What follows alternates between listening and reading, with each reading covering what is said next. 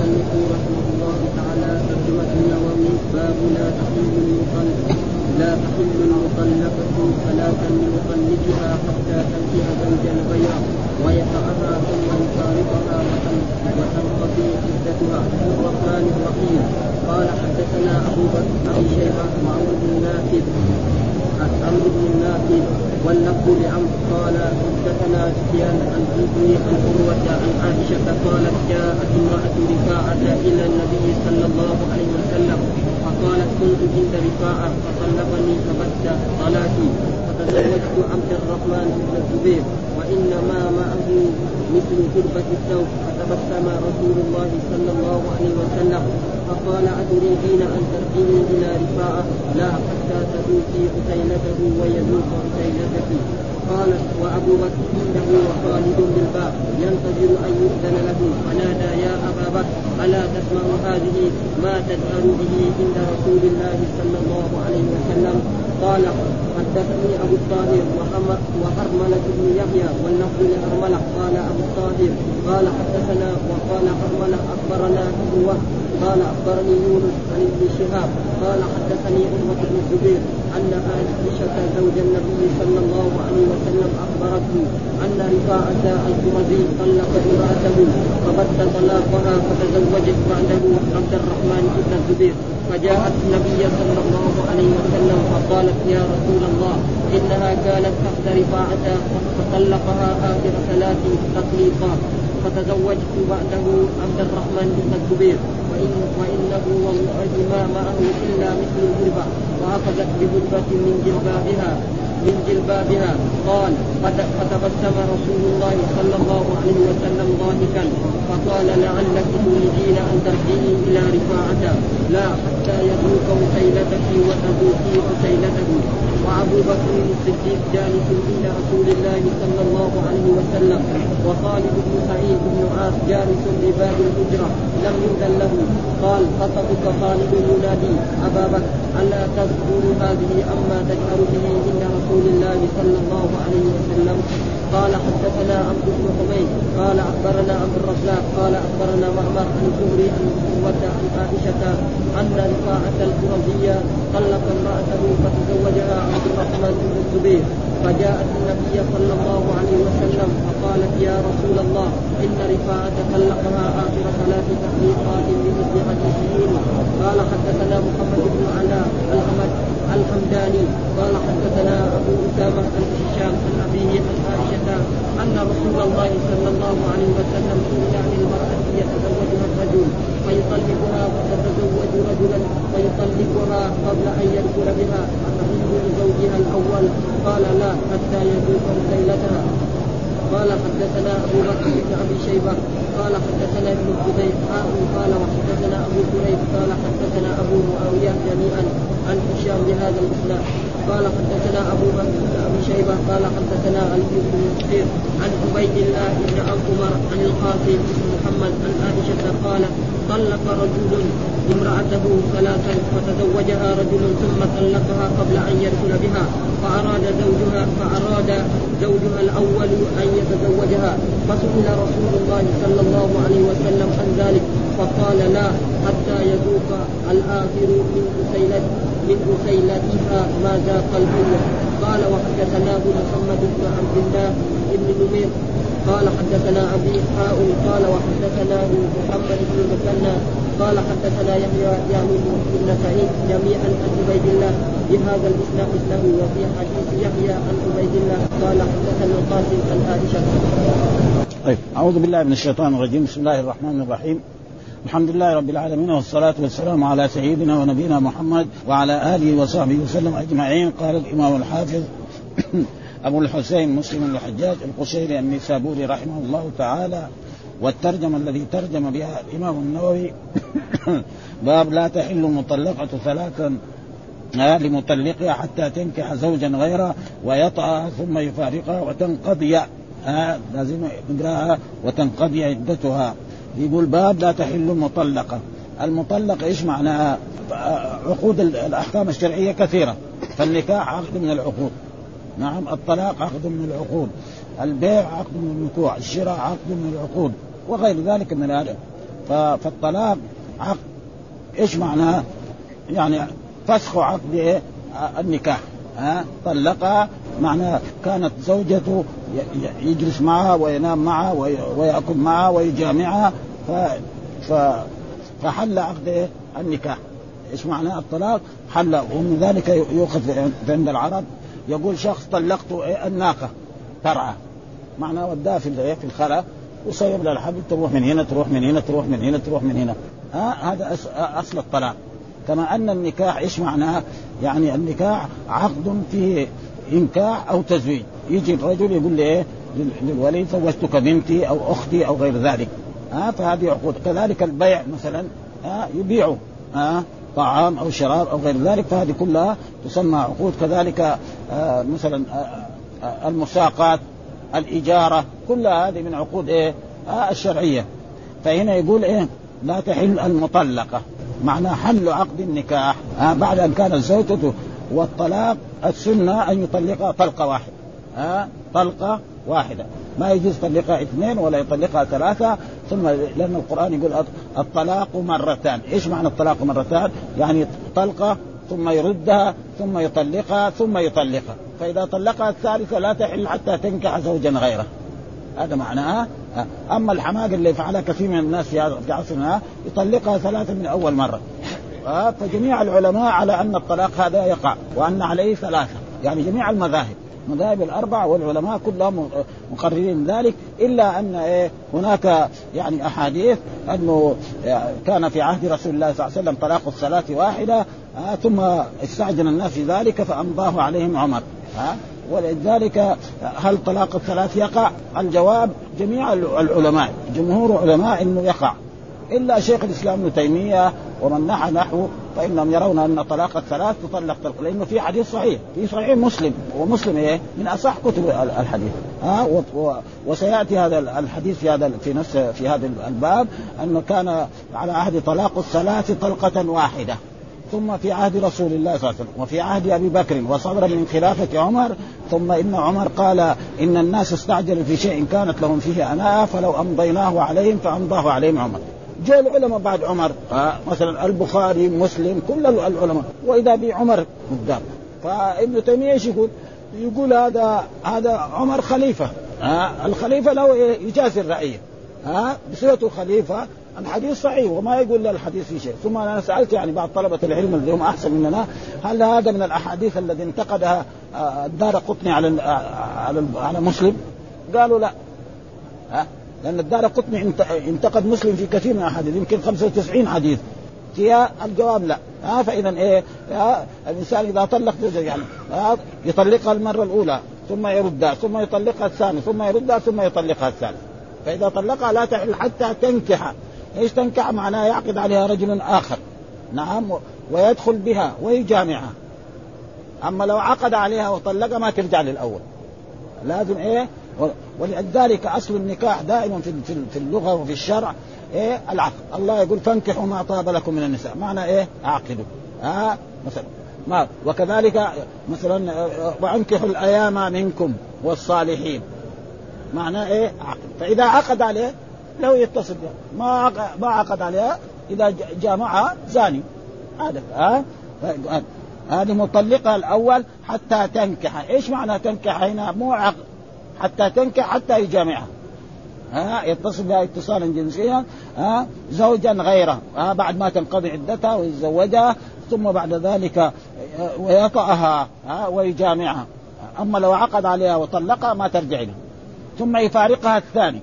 ها إذا فارقها الثاني ها وتنقضي عدتها تقعد تعتد. مثلا إذا كانت من ذوات الحيض لازم تعتد ثلاثة قروء. تحيض ثم تطهر ثم تحيض ثم تطهر. كذا لازم. ها آه وتنقضي عدتها. والعدة تختلف. وسيأتي أبواب العدة. ها آه العدة إذا كانت من ذوات الحيض لازم تحيض ثلاث مرات. وإذا كانت يائسة ثلاثة أشهر. حامل حتى تضع وسيأتي هذا في أبواب العدة. وهذه القصة في هذا الحديث الذي ساقه وهو أن يعني رفاعة هذا يعني طلقها زوجها ثم بعد ذلك تزوجت رجل اخر اسمه عبد الرحمن بن الزبير. ها مو ابن الزبير ها لأنه مشكلة ابنه الزبير. لا يظن إيه ابن الزبير ها فإذا فيها في غلط يعني ها الزبير. الزاي مفتوحة والباء مكسورة. هذا ينتبه ذلك؟ بالنسبة لإيه؟ طلبة العلم. ابن الزبير ها ما هو الزبير؟ هذاك غير الزبير غير وهذا الزبير. إيه يعني غلط ها مشكلة يعني. فعشان ننتبه لهذا؟ ابن الزبير. إيش الدليل؟ قال حدثنا أبو بكر بن أبي شيبة وعمرو الناقد واللفظ لعمر قال حدثنا سفيان عن الزهري عن عروة عن عائشة قالت جاءت امرأة رفاعة إلى النبي صلى الله عليه وسلم فقالت كنت عند رفاعة فطلقني إيه قال فبت طلاقي، إيش معنى البت؟ معناه طلقها ثلاث مرات، طلقها الأولى وردها، طلقها الثانية وردها، ثم طلقها الثالثة. هذا معنى بت، ولذلك كتب الفقه أي واحد يقول لزوجتي أنت م... أه؟ مثلا البتة أو خلية أو برية معناه كم؟ ثلاثة. ولو ما قال ثلاثة. كده يعني اصطلاحات علمية. ها فبت طلاق يعني طلقها ثلاث مرات الطلقه الأولى والثانية والثالثة. فتزوجت عبد الرحمن بن الزبير وإنما معه مثل هدبة الثوب، إيش معنى هدبة الثوب؟ زي هذا. ها يكون إيه؟ ما في خيوط كده. ها يعني ما عندها ما عنده ذكر يعني يستطيع يجامعها. فساوت كده. ها ها. ما يستطيع إيه يتصل بها ويجامعها فهذا. ويكون ما في إيه يعني ما هو منسوج زي ما يكون في الإحرام. ها زي المناشف هذه تجد خيوط كده. فلما تمسك هذا ومعلوم أن لا يمكن الرجل يجامع حتى ينتشر الذكر. هذا يعني بيان يعني وهذا لابد من بيانه فتبسم رسول الله صلى الله عليه وسلم. لأن العادة إن المرأة ما تقدر تتحدث في هذه الأشياء. مرأة تجي للرسول وقدام الرجال وتقول إن فلان تزوجني وما معه إلا مثله. هذا شيء يستحيا منه. ها؟ فلذلك تبسم الرسول صلى الله عليه وسلم. لكن هي مضطرة تقول هذا تبين هذا ها؟ فقال الرسول أتريدين أن ترجع إلى رفاعة؟ ترجع زوجك الأول؟ قال آه لا حتى تذوقي عسيلته ويذوق عسيلته يعني حتى يجامعك يلتذ بجماعك وتلتذي بجماعه ليه سمع عسيلة لأن أحلى شيء عند العرب تقريبا عسل. ها ومعلوم الجماع فيه إيه؟ لذة كبيرة. ما في ها ابدا. كل الرجال يعرف وكل النساء يعرفن أن الجماع فيه لذة عظيمة جدا والعرب عندهم كل شيء تقريبا يعني حلو ولذيذ. يقول هذا الشيء زي العسل ها هذا البرتقال زي العسل هذا الطعام زي العسل. هذا معنى ها فلا بد إيه؟ يعني فاذا لو ما جامعها ولذلك دائما كل نكاح في القرآن فالمراد به العقد إلا هذه الآية. وهو قول الله تعالى الطلاق مرتان فإمساك معروف أو تسريح بإحسان ولا يحل لكم أن تأخذوا ما آتيتموهن إيه؟ إن يخاف أن لا يقيما حدود الله فإن خفتم أن لا يقيما حدود الله فلا جناح عليهما فيما به تلك حدود الله فلا تعتدوها. من يتعدى حدود الله فأولئك هم فإن طلقها يعني طلقها ها فلا تحل له حتى تنكح حتى إيه؟ حتى يتصل بها اتصالا حتى يجامع. كده ها؟ لأنه دحين ذكر كم؟ ثلاثة أربعة. لكن فإن خفتم هذا هذاك فسخ. يعني إذا إذا الرجل خالع زوجته لا يسمى طلاق عند بعض العلماء. ها؟ لأنه قال الطلاق مرتان فإمساك معروف والتسريح ولا والتسريح بإحسان ولا يحل لكم أن تاخذوا ما أتيتموهن شيء إلا أن يخاف أن لا يقيم حدود. فإن خفتم أن لا يقيم حدود الله فلا جناح عليه هذا إيه؟ هذا هذا دحين كان إيه؟ يصير الرابع كان. ها؟ ولكن إيه؟ الخلع لا يسمى طلاق. ولذلك بعض العلماء يرى أن الخلع تكفيه إيه؟ حيضة واحدة. إذا ولكن أكثر العلماء على أنها تعتد ثلاث حيض. يعني كتب الفقه زي المالكية والشافعية والحنابلة كلهم بهذا. ها؟ فلذلك قال حتى تذوقي عسيلته ويذوق عسيلته ها, ها؟ قالت وكان أبو بكر عند رسول يعني أبو بكر الصديق رضي الله تعالى عنه عند رسول الله في مجلسه جالس وخالد بالباب من هو خالد؟ ما هو خالد بن الوليد؟ خالد بن سعيد بن العاص. ها وبينوا بعدين في الرواية. من هو خالد؟ هذا ليس خالد بن الوليد إنما خالد بن سعيد العاص. ينتظر لأنه ما حد يدخل على رسول الله كده. ها لابد إيه؟ نعم يستأذن ثم يؤذن له فيدخل. ها فخالد بيسمع الكلام سمع كلام المرأة وسمع ما قال الرسول صلى الله عليه وسلم له. فقال يا أبا بكر ما تسمع هذه المرأة إيش تتحدث أمام رسول الله؟ يعني هذا ما يليق. ها؟ مرأة تجي تقول للرسول إن فلان زوجي هذا ما يتصل بي ولا يجامعني وأن ما, ما معه شيء. ها, ها؟ يعني فيقول لها خاصم هذه. لأن العادة أن أن الرجال والنساء يعني يستحون من هذه الأشياء خصوصا المرأة. ها؟ المرأة يعني تستحي من إيه؟ تتكلم بأشياء تتعلق بالنكاح وبالجماع ابدا. ولذلك كان رسول الله جالسا وجاءت أم سليم وقالت يا رسول الله إذا احتلمت المرأة هل عليها من غسل؟ فعائشة قالت له المراه تحتلم عجيب إيش هذا الكلام الكاذب؟ ها؟ فقال لها الرسول صلى الله عليه وسلم تربت ومن أين يكون الشبه؟ إذا كان المرأة ما تحتلم والرجل يحتلم اذا إيه مرة يشوف الولد يشبه أمه أو يشبه أخواله ومرة يشبه أعمامه ها فلذلك عائشة أنكرت ذلك فقال الرسول لا ها المسألة الرجل عنده بني والمرأة عندها بني أبدا. ها؟ ولذلك هنا قال و و وقالت أبو بكر عند عنده وخالد بن باد ينتظر أن يؤذن له فقال فنادى يا أبا بكر يا ابا بكر ألا تسمع ما تجهر به عند رسول الله صلى الله عليه وسلم؟ ها؟ يعني هذه المرأة يعني تقريبا تصرح بأشياء لا يصرح بها أمام الرجال. أبدا. ها والمرأة تستحي دائما أن تقول مثل هذه الأشياء. فلأجل ذلك. ونأخذ من هذا الحديث أن الرجل إذا طلق امرأته ثلاث تطليقات لا تحل له حتى إيه يتزوجها تنتهي عدتها نعم. ويتزوجها رجل آخر ويجامعها ثم يطلقها الثاني وتعتد. نعم. ثم بعد ذلك إذا أرادت أن ترجع إلى زوجها الأول ترجع. ها وهذه إيه هي يعني هذا الحديث. و والأحاديث الثانية مثلها. وذكر هنا يعني الأشياء التي يعني هو بفتح بفتح الزاء وكسر الباء. الزبير ها ما هو الزبير؟ بخلاف وكسر بلا خلاف وهو الزبير ابن باطة ويقال بيطياء وكان عبد الرحمن صحابيا والزبير قتل يهوديا في غزوة بني قريظة. وهذا الذي ذكرناه من أن عبد الرحمن بن الزبير بطة القرظي هو الذي تزوج امرأة رفاعة القرظي وهو الذي ذكره أبو عمرو بن عبد البر والمحققون. وقال ابن مندى وأبو نعيم الأصبهاني في كتابنا في معرفة الصحابة إنما هو عبد الرحمن بن الزبير ابن زيد ابن أمية ابن زيد ابن مالك ابن عوف ابن عمرو ابن عوف ابن مالك ابن أوس والصواب الأول. فبت طلاق أي طلقني ثلاثا. قولها خطبة الثوب هو بضم الهاء وإسكان الدال وهو طرفه الذي لم ينسج. الطرف الذي لم زي اللي في الايه في الإحرام.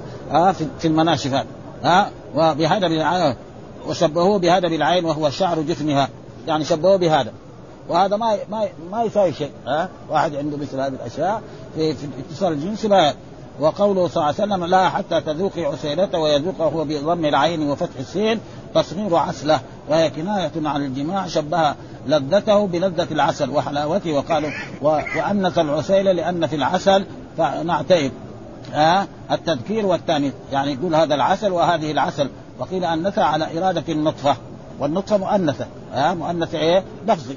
وفي هذا الحديث أن المطلقه ثلاثا لا تحل لمطلقها حتى تنكح زوجا غيره ويطأها ثم يفارقها وتنقضي عدة فأما مجرد عقده عليها فلا يبيحها للأول وبه قال جميع العلماء من الصحابة والتابعين فمن بعدهم وانفرد سعيد بن المسيب فقال إذا عقد الثاني عليها ثم فارقها حلت. وما حد يقول بهذا. وهذا معناه من إيه؟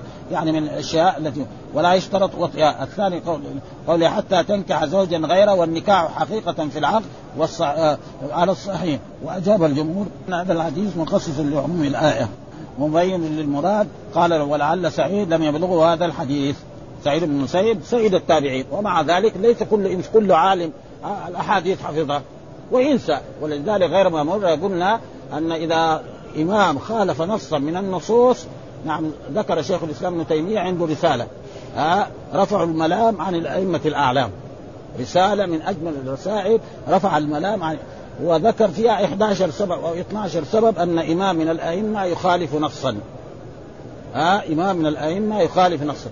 إيش السبب؟ إنه ما بلغه الحديث.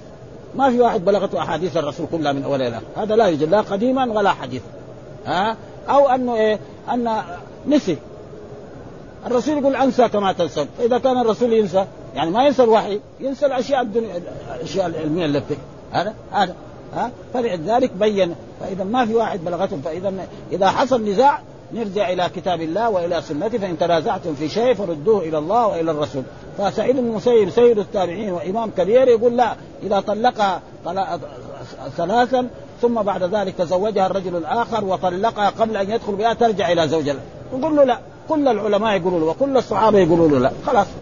والمساله انتهت ها؟ ها؟ وحدثنا أبو الطاهر وحرملة بن يحيى واللفظ لحرملة قال أبو الطاهر حدثنا وقال حرملة اخبرنا لا فرق بين حدثنا واخبرنا لكن كل معالم الشيخ اللي قالوا في الحديث يقولوا. هذا قال أخبرنا وقال هذا حديث والثاني يقول أنبأنا واحد يقول سمعته كل واحد. لا فرق بين ده لكن ها أخبرنا ابن وهب أخبرني يونس عن ابن شهاب حدثني عروة بن الزبير أن عائشة وعروة بن الزبير أحد الفقهاء السبعة أن عائشة وهي خاله للزبير زوج النبي صلى الله عليه وسلم. أخبرته أن رفاعة القرظي طلق امرأته فبت طلاقها، إيش بت طلاقها؟ طلقها ثلاثا الأولى والثانية. فتزوجت بعده عبد الرحمن بن الزرير فجاءت النبي صلى الله عليه وسلم فقالت يا رسول الله إنها كانت تحت رفاعة فطلقها آخر ثلاث، يعني ما طلقها دفعة واحد زي ما الناس دحين يساووا في العصر ده، رجل يزعل مع زوجه يقول له أنت طالق ثلاث، بعدين يجي عليك يروح يدور المشايخ. العلماء يروح من هنا ويروح من هنا ويروح من هنا. وبعد ذلك مرة يقول أنا مجنون مرة يقول أنا أنا حمقان أنا كذا بعدين ما يصير ها؟ ولا يدور ويمكن ولا ولا يدخل المسجد ابدا. إلا اذا كان ترك جري هذه الجريات ها؟ فلذلك لا طلقها ثلاثا يعني طلقها طلقة ثم الثانية ثم الثالثة. ها؟ ولا وحرام أن الرجل يطلق زوجته ثلاث في كلمة واحدة. حرام هذا. لأن الرسول نهى عنه. ها؟ حرام. لكن هل يقع أو لا يقع؟ هذا هو الكلام. فأكثر العلماء على أنه يقع. ها؟ وشيخ الإسلام ابن تيمية و... والآن الشيخ ابن باز يفتي بذلك. ها؟ إذا واحد طلق ثلاثا وتحقق منه يرد له هي. ويأخذ بالحديث. يعني ما ما هو يعني حديث في صحيح مسلم. ها إنه كان الطلاق على عهد رسول الله صلى الله عليه وسلم طلاق الثلاث واحدة. ها في عهد الرسول عهد الرسول كان سنين كثير 23 سنة نعم وفي عهد عهد أبي بكر سنتين ونصف وصدرا من خلافته يعني. ثم عمر رضي الله تعالى عنه قال إن الناس استعجلوا في أمر كانت لهم فيه أناءة. يعني الله قال لك يا عبدي انت طلق طلقة واحدة ثم ردها ثم طلق طلقة ثانية ثم ردها ثم طلقها الثالثه انت ساوي حماده وتطلقها ثلاثا ها؟ قال أمضي. وهذا يقول الشيخ الإسلام ابن تيمية هذا عمر خليفة رضي الله تعالى عنه يجازي الرعيه فجاز الرعيه بهذه الطريقة وجو العلماء بعد عمر تقوا عمر قدامهم. عمر ما هو سهل. رجل عظيم ما يحتاج. ها؟ خليفه فكلهم توقفوا في هذا الموضوع. جاء ابن تيمية بعد في القرن السادس والسابع شاف الحديث صحيح هذا. فيقول هذا عمر على كل حال جزاه الله خير ولكن نحن نقول بهذا. والناس من زمان أخذوا بهذا. يعني خصوصا يعني قبل خمسين سنة أو ستين سنة آه، في مصر أخذوا بهذا الكلام وهنا تقريبا ممنوع الآن في المحاكم. إذا طلقها ثلاثة ما يردوا له آه، يعني ساووا فتوى يعني إيه، هذا إنها تقع. ها ما مع إلا مثل الهدبة. والهدبة قلنا يعني الذي يكون مثل هذا ويكون ليس فيه يعني موصول ها؟ يعني كذا خيوط كذا.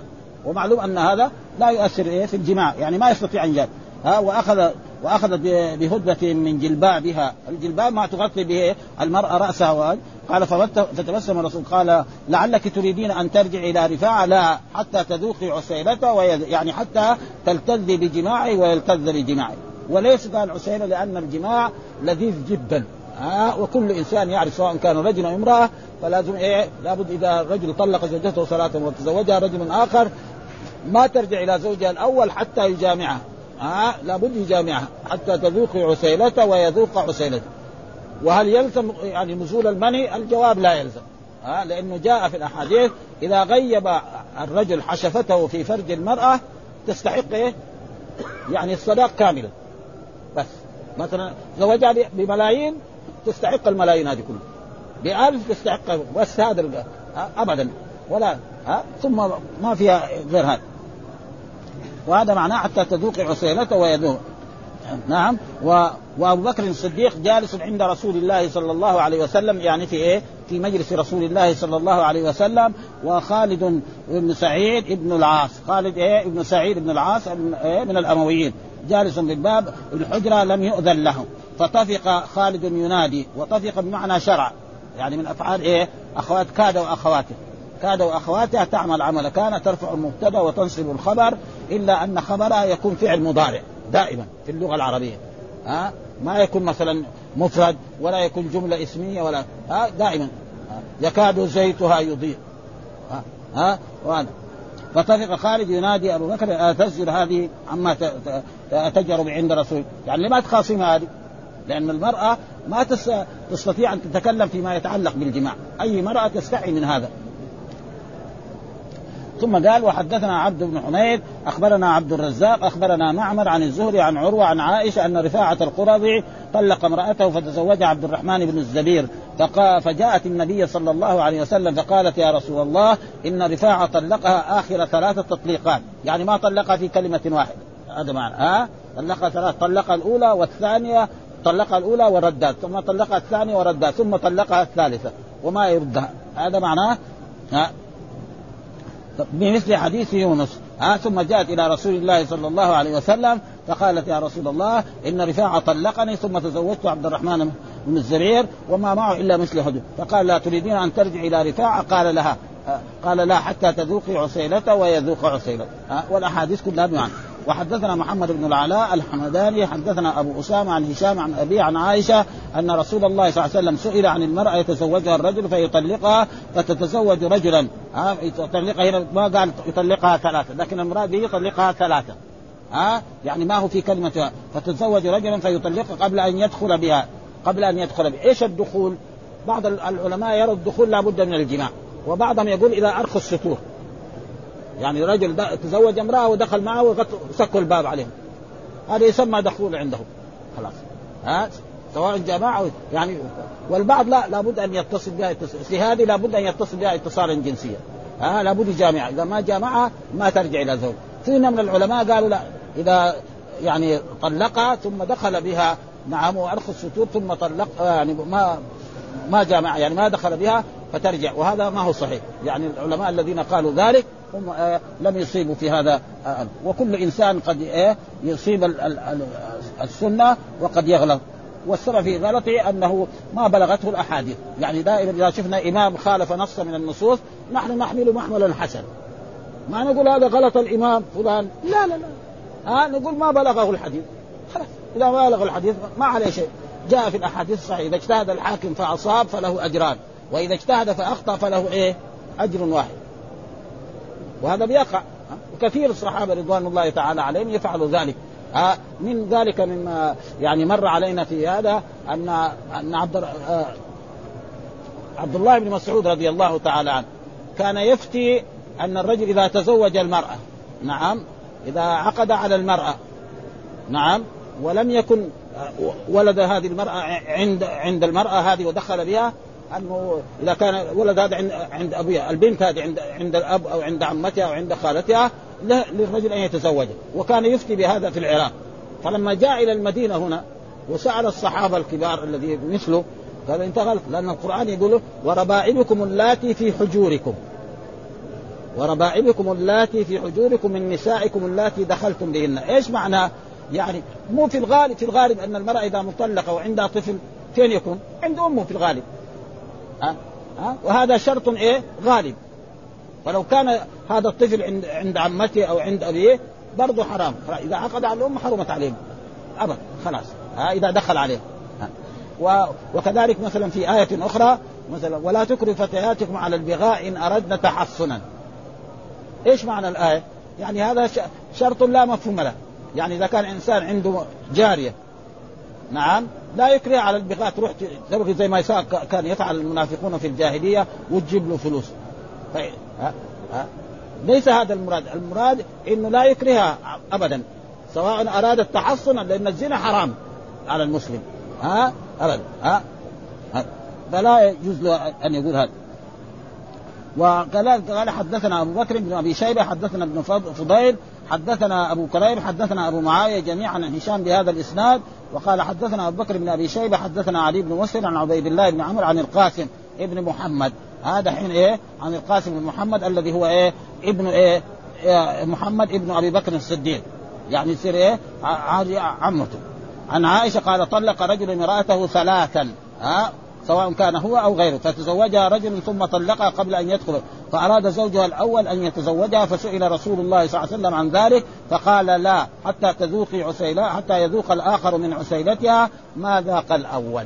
ها لابد أن يجامعها فإذا ما جامعها ما ترجع إلى الزوج الأول ابدا.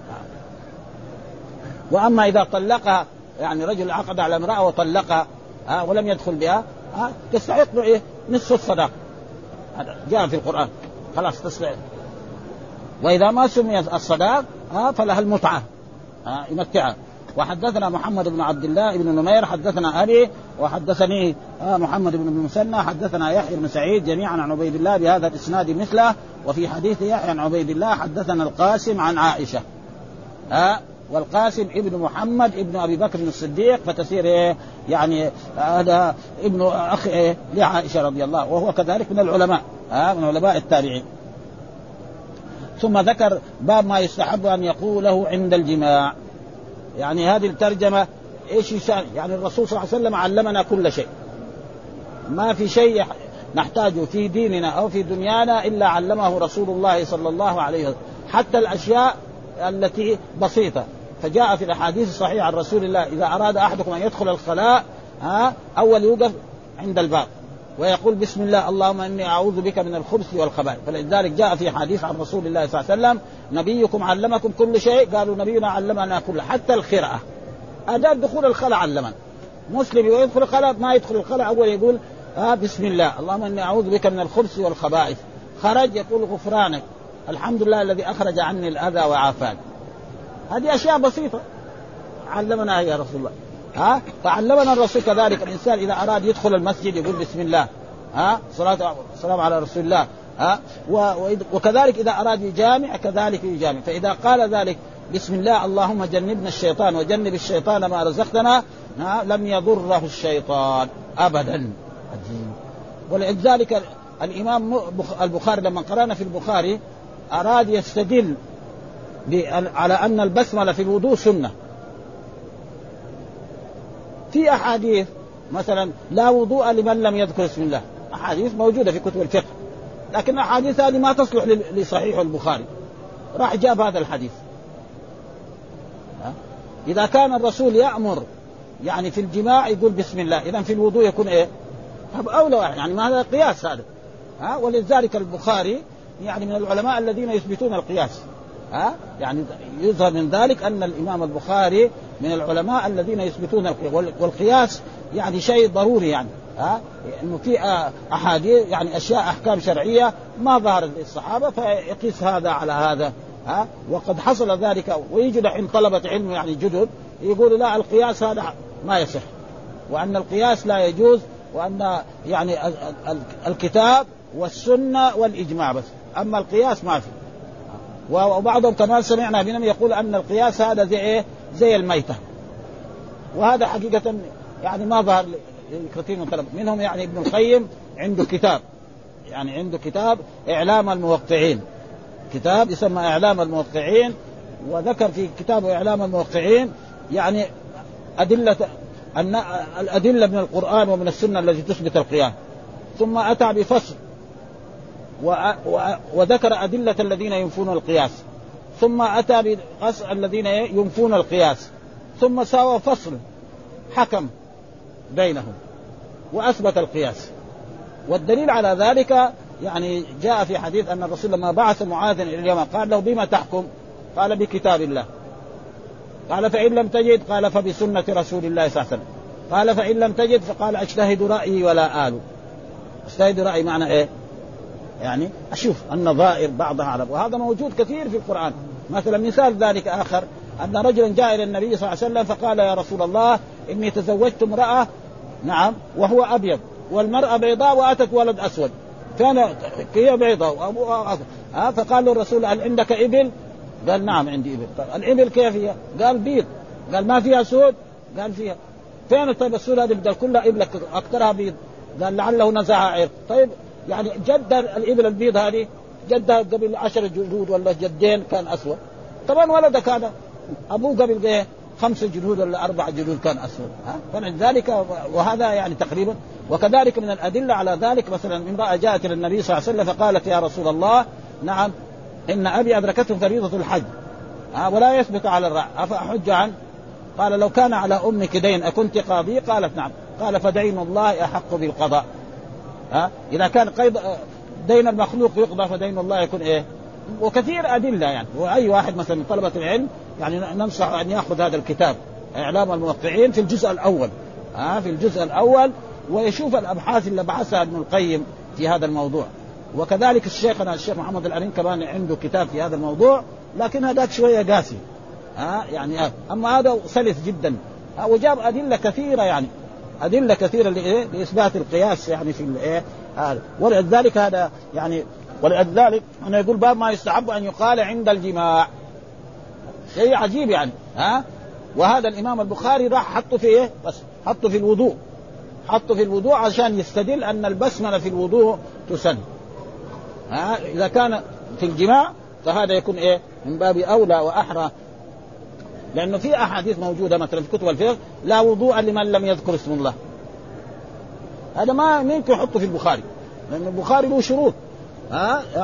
أحاديثه لازم تستوفي الشروط التي هو شرطها ولذلك هنا يقول في هذا الحديث قال حدثنا يحيى بن يحيى وإسحاق بن إبراهيم واللفظ له ليحيى قال أخبرنا جرير عن منصور عن سالم عن كريب عن ابن عباس قال قال لو أن أحدهم يعني أحد من المسلمين إذا أراد أن يأتي أهله يعني يجامع أهله.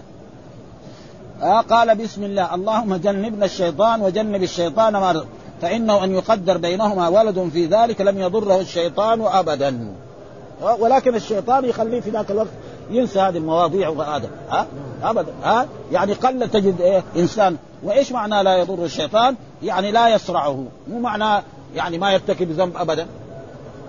ها؟ ليس معناه يعني ما يرتكب. إنما لا يضر الشيطان يعني لا يصرعه لأنه كثير من الأولاد يعني بتصيبوا الصرعه ويصيبوا الأشياء وكثير من الأولاد لا يطعن فيه الشيطان ها؟ عند ولادته بخلاف غيره. فإذا ما قال هذه قد يحصل له ولم يحمله أحد على العموم. إنه لا الشيطان لا يضر ولا يتسلط عليه ابدا لأن الناس كل واحد يسلط عليه الشيطان. الشيطان يجري من الإنسان مجرى إيه؟ الدم ابدا فلذلك فإذا هذا ذكر يعني عظيم جدا ولذلك الإمام البخاري حقيقة نحن أول لما رأيناه في الوضوء. إيش البخاري ده؟ ها يحطه في حق الجماع يحطه في الوضوء. ليه؟ إذا كان في الوضوء إذا في في الجماع كده إذا الوضوء من باب أولى وأحد. فلذلك كل العلماء الفقهاء يقولوا إذا واحد يبغى يتوضأ يقول بسم الله. ما يقول بسم الله الرحمن الرحيم كله. بسم الله خلاص. ها؟ ويغسل يديه ثلاثا ويتمضمض ويستنشق. ثم بعد ذلك إذا فرغ من الوضوء ها يقول أشهد أن لا إله إلا الله وحده لا شريك له وأشهد أن محمدا عبده ورسوله. وإذا قال ذلك اللهم اجعلني من التوابين قال فتحت له أبواب الجنة الثمانيه يدخل من أيها شاء ها. ولذلك يعني آه، آه، و ثم لما نيجي الناس غير المسلمين الآن يعرفوا هذه الأشياء؟ ما يعني مثلا الغربيين الآن نصارى واليهود هذه ما ما يعرفوها ابدا ها. فديننا فيه إيه؟ كل شيء. ولذلك الرسول كل شيء نحتاجه في هذه الدنيا وهذا بينه بيانا شافيا. ولذلك الصحابي يقول نبيكم علمكم كل شيء قال نبينا علمنا حتى القراءة. إيش معنى القراءة؟ آداب دخول الخلاء وحدثنا محمد بن مسنى وابن بشار قال حدثنا محمد بن جعفر قال حدثنا شعبة. آه شعبة مين ده؟ أمير المؤمنين في الحديث هذا. ها وحدثنا ابن نمير حدثنا أبي حدثنا عبد عبد بن حميد أخبرنا عبد الرزاق جميعا عن الثوري كلاهما عن منصور بمعنى حديث جرير غير أن شعبة قال ليس في حديثه ذكر آه ذكر بسم الله. يعني بس الحديث الموجود الا هذا قال آه اللهم جنبنا الشيطان وجنب الشيطان ما رزقتنا. فإن آه ان يعني أصابوا يعني فإن قدر لهم ما رزقتنا فإن إن يقدر بينهما ولد في ذلك لم يضره الشيطان أبدا. يعني ما في بسم الله. والصحيح انه في. والسبب في ذلك أن مثلا الرسول لما يتكلم أو العالم لما يتكلم واحد يحفظ كل ما قاله من الفه إلى ياء. واحد يحفظ جملة. واحد يحفظ جملة. وهذا شيء نحن نشاهد. رجل مثلا يدخل مسجد من مساجد المسلمين ويسمع خطبة الجمعة. يخرج من المسجد. واحد يقول له إيش قال الخطيب؟ يقول والله ما يدري. تو في ربع ساعة. واحد يقول والله قال كذا وكذا. واحد يكون صمها صم. هذا هو. الناس يختلفوا في إيه؟ في الذكاء. ولذلك مثلا هذاك يقول قال بسم الله. وهذا يقول لا ما قال بسم الله. قال بس اللهم جنبنا الشيطان وجنب الشيطان ما رزقتنا طيب كيف ليش؟ والرسول هو اللي قال السبب إنه هذاك نسي. نسي هذه الكلمة. والحافظ حجة على من لم يعلم واحد يقول إنه الرسول قال بسم الله. واحد يقول لا الرسول قال اللهم جنبنا الشيطان وجنب الشيطان ما فهذا في إيه؟ زيادة علمية. فالزيادة العلمية من الثقة مقبولة. ها ولذلك تتجمع الأحاديث بعضها على بعض ولا يكون فيها اي أي شيء. يعني ذكر بسم الله وفي رواية عبد الرحمن عبد الرزاق عن الثوري بسم الله. هذا. ها لابد إيه؟ بسم الله. اللهم جنبنا الشيطان وجنب الشيطان ما رزقتنا فإنه يقدر يعني ما رزقتنا فإنه إن يقدر بينهما ولد في ذلك لم يضره الشيطان أبدا. وقد جاء في هذه الأحاديث مثل هذه الأشياء. وبرضه هذا الباب نقراه باب ما يستحب أن يقوله عند الجماع هذا تقريبا. ثم ذكر آه، ترجمة أخرى وهي باب جواز آه، جماع امرأته في من قبلها من قدامها أو من ورائها. يعني الإسلام كل شيء بين ما في يعني شيء. باب جواز جماعة امرأته كذا نقرأ امرأته يعني مفعول إيه؟ للجماع من قبلها أو قبل إيش معناه؟ يعني الرجل إذا يبغى يجامع زوجته له أن يجامعها وهي منسدحة على ظهرها هذا آه جائز. ها؟ ويكون إيه؟ يجلس رجليها. ويجوز أن تكون هي منبطحة كده على وجهها ويجيها من خلف ها؟ من تحت ويجامعها في إيه؟ في فرجها. ما يجامعها في دبرها لأن الدبر ما يجوز. لأن الجماع لازم يكون في إيه؟ في محل الحرث محل الزرع، كيف محل الزرع؟ لو واحد جامع زوجته في دبره قبل 100 سنة ما تجيب ولد ولا تجيب بنت ولا شيء قبل مستحيل ها؟ وممنوع كمان. الشارع الرسول أمر ها؟ لعن الله من اتى امراته في دبرها فلأجل ذلك لازم إيه؟ يجوز هكذا ويجوز هكذا. ها؟ يعني ما هو. وإيش الدليل؟ القرآن. ها؟ نساؤكم حرث لكم فأتوا حرثكم أن شئتم نساؤكم حرث لكم. إيش معنى حرث لكم؟ مكان الزرع. ها؟ الرجل يتزوج المرأة ونعم ثم يتصل بها اتصالا جنسيا ويجامعها فتأتي بولد أو بنت زي ما قال الله تعالى. نعم يهب لمن يشاء إناثا ويهب لمن يشاء الذكور أو يزوجهم ذكرانا وإناثا. فإذا نساؤكم له يعني وكل ناس من العرب كان لهم طريقة في إيه؟ في الجماع. يعني وكل إنسان كان يفعل فلذلك جاءت هذه الأحاديث وأما يأتيها في دبرها فهذا حرام وملعون من فعل ذلك ابدا. سواء كان في في زوجته أو في حيوان فهذا محرم وهذا وهذا باب جواز جماعة ها امرأته ها لأنه إيه؟ جماع مصدر وامرأته هذا في قبلها. القبل هو إيه؟ الفرج ها ها من قدامها أو من ورائها من قدامها معناته تكون بطعه كده ها ويجيها من هو من خلف ويتصل بها اتصالا جنسيا أو من دبرها ياتيها من من من, خلف ويجامعها في إيه؟ في فرجها هذا جائز. إيش الدليل؟ القرآن. ها نساؤكم حرث لكم فأتوا حرثكم ان يروح واحد يفهم لا يعني يأتيها في دبرها. هذا غلط. ها ها؟ إيش الدليل على ذلك؟ هذه الأحاديث الذي سابها حدثنا قتيبة بن سعيد وأبو بكر بن أبي شيبة وعمر بن الناقد واللفظ لأبي بكر. قال حدثنا سفيان عن ابن المنكدر سمع جابر يقول كانت اليهود تقول إذا أتى الرجل امرأته في دب من دبرها في قبرها كان الولد أحول اليهود كان يقول إذا الرجل أتى من من, من وراءها في قبلها فيكون الولد أحول ومعلوم الحول يعني يكون في العين ويكون النظر ضعيف جدا وقد يكون آه فنزلت هذه الآية نساؤكم حرث لكم وهي في سورة البقرة. وسورة البقرة سورة إيه؟ مدنية. فيها الأحكام الشرعية الكثيرة. فأتوا حرثكم أن شئتم. يعني كيف شئتم؟ إيش أن شئتم؟ يعني كيف شئتم؟ يبغى من أمام أو من دور لكن بشرط أن يكون في مكان الحرث. وحدثنا كذلك محمد بن رمح أخبرنا الليث عن ابن الهاد عن أبي حازم عن محمد بن المنكدر عن جابر بن عبد الله أن اليهود كانت تقول إذا أتيت المرأة من دبرها في قبلها ثم حملت كان ولدها أحول قال فنزلت نساؤكم حث لكم فأتوا حثكم أن شئتم ها فإذا الدين ولكن بشرط أن يكون في صمام واحد، إيش في صمام واحد؟ قالوا في رواية إن شاء مجبية وإن شاء غير مجبية، إيش معنى مجبية؟ يعني منسدح على وجهها كده. ها ولكن يأتيها وغير مجبية تكون على هكذا. وهذا كله جائز ولا موضع زرع ومعنى قول أن شئتم أي شئتم. واتفق العلماء الذي يعتد بهم على تحريم وطئ المرأة في دبرها حائضا كانت أو طاهرا لأحاديث كثيرة مشهورة كحديث ملعون من أتى امرأته في دبرها قال أصحابنا لا يحل الوطء في الدبر في شيء من الآدميين ولا غيرهم من الحيوانات في حال من الأحوال والله أعلم. ها؟ إن يهود كانت تقول وهنا قال إن يهود منعوا من الصرف. ليه؟ لأن المراد به القبيلة. ها ومرات يجي يهودا معناه شخص يهودي هذا غير ها يهودا ما يجوز يهودا هكذا في النساء يهودا غير مصروف لأن المراد قبيلة اليهود فامتنع صرفه للتأنيث والعلميه وعن أيوب كذلك حدثنا محمد بن مسنى حدثنا ابن واب بن جرير حدثنا شعبة وحدثنا محمد بن مسنى حدثنا عبد الرحمن حدثنا سفيان وحدثنا عبيد الله بن سعيد وهارون ابن عبد الله وأبو معين الرقاشي قالوا حدثنا وهب بن جرير قال حدثنا أبي قال سمعت النعمان بن راشد يحدث عن الزهري. يعني كلما دول مشايخ الإمام مسلم. وحدثني سليمان بن معبد حدثني معبد بن سند حدثنا عبد العزيز وابو مختار عن سعيد ابن أبي صالح. كل هؤلاء عن محمد بن المنكدر عن جابر بهذا الحديث. وهو أن الإنسان آه، آه، يعني الرسول القرآن قال نساءكم حرث لكم فأتوا حرثكم ان شئتم وكان يعني يعني طريقة الجماع في مكة غير وكانت هنا في المدينة كذلك على طريقه غير فعمر بن الخطاب أراد يأتي على الطريقة تزوج أنصارية ها وأراد يفعل بها كما يفعل في الجماع في مكة. فأنكرت عليه وصار بينه وبينهم شغب فاشتكوا إلى رسول الله صلى الله عليه وسلم فرضوا الآية نزلت هذه. نساؤكم حرث لكم فأتوا حرثكم ان شئتم.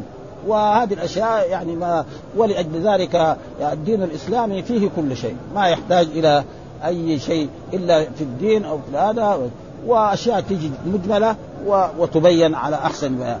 والحمد لله رب العالمين وصلى الله وسلم على نبينا محمد وعلى آله وصحبه وسلم.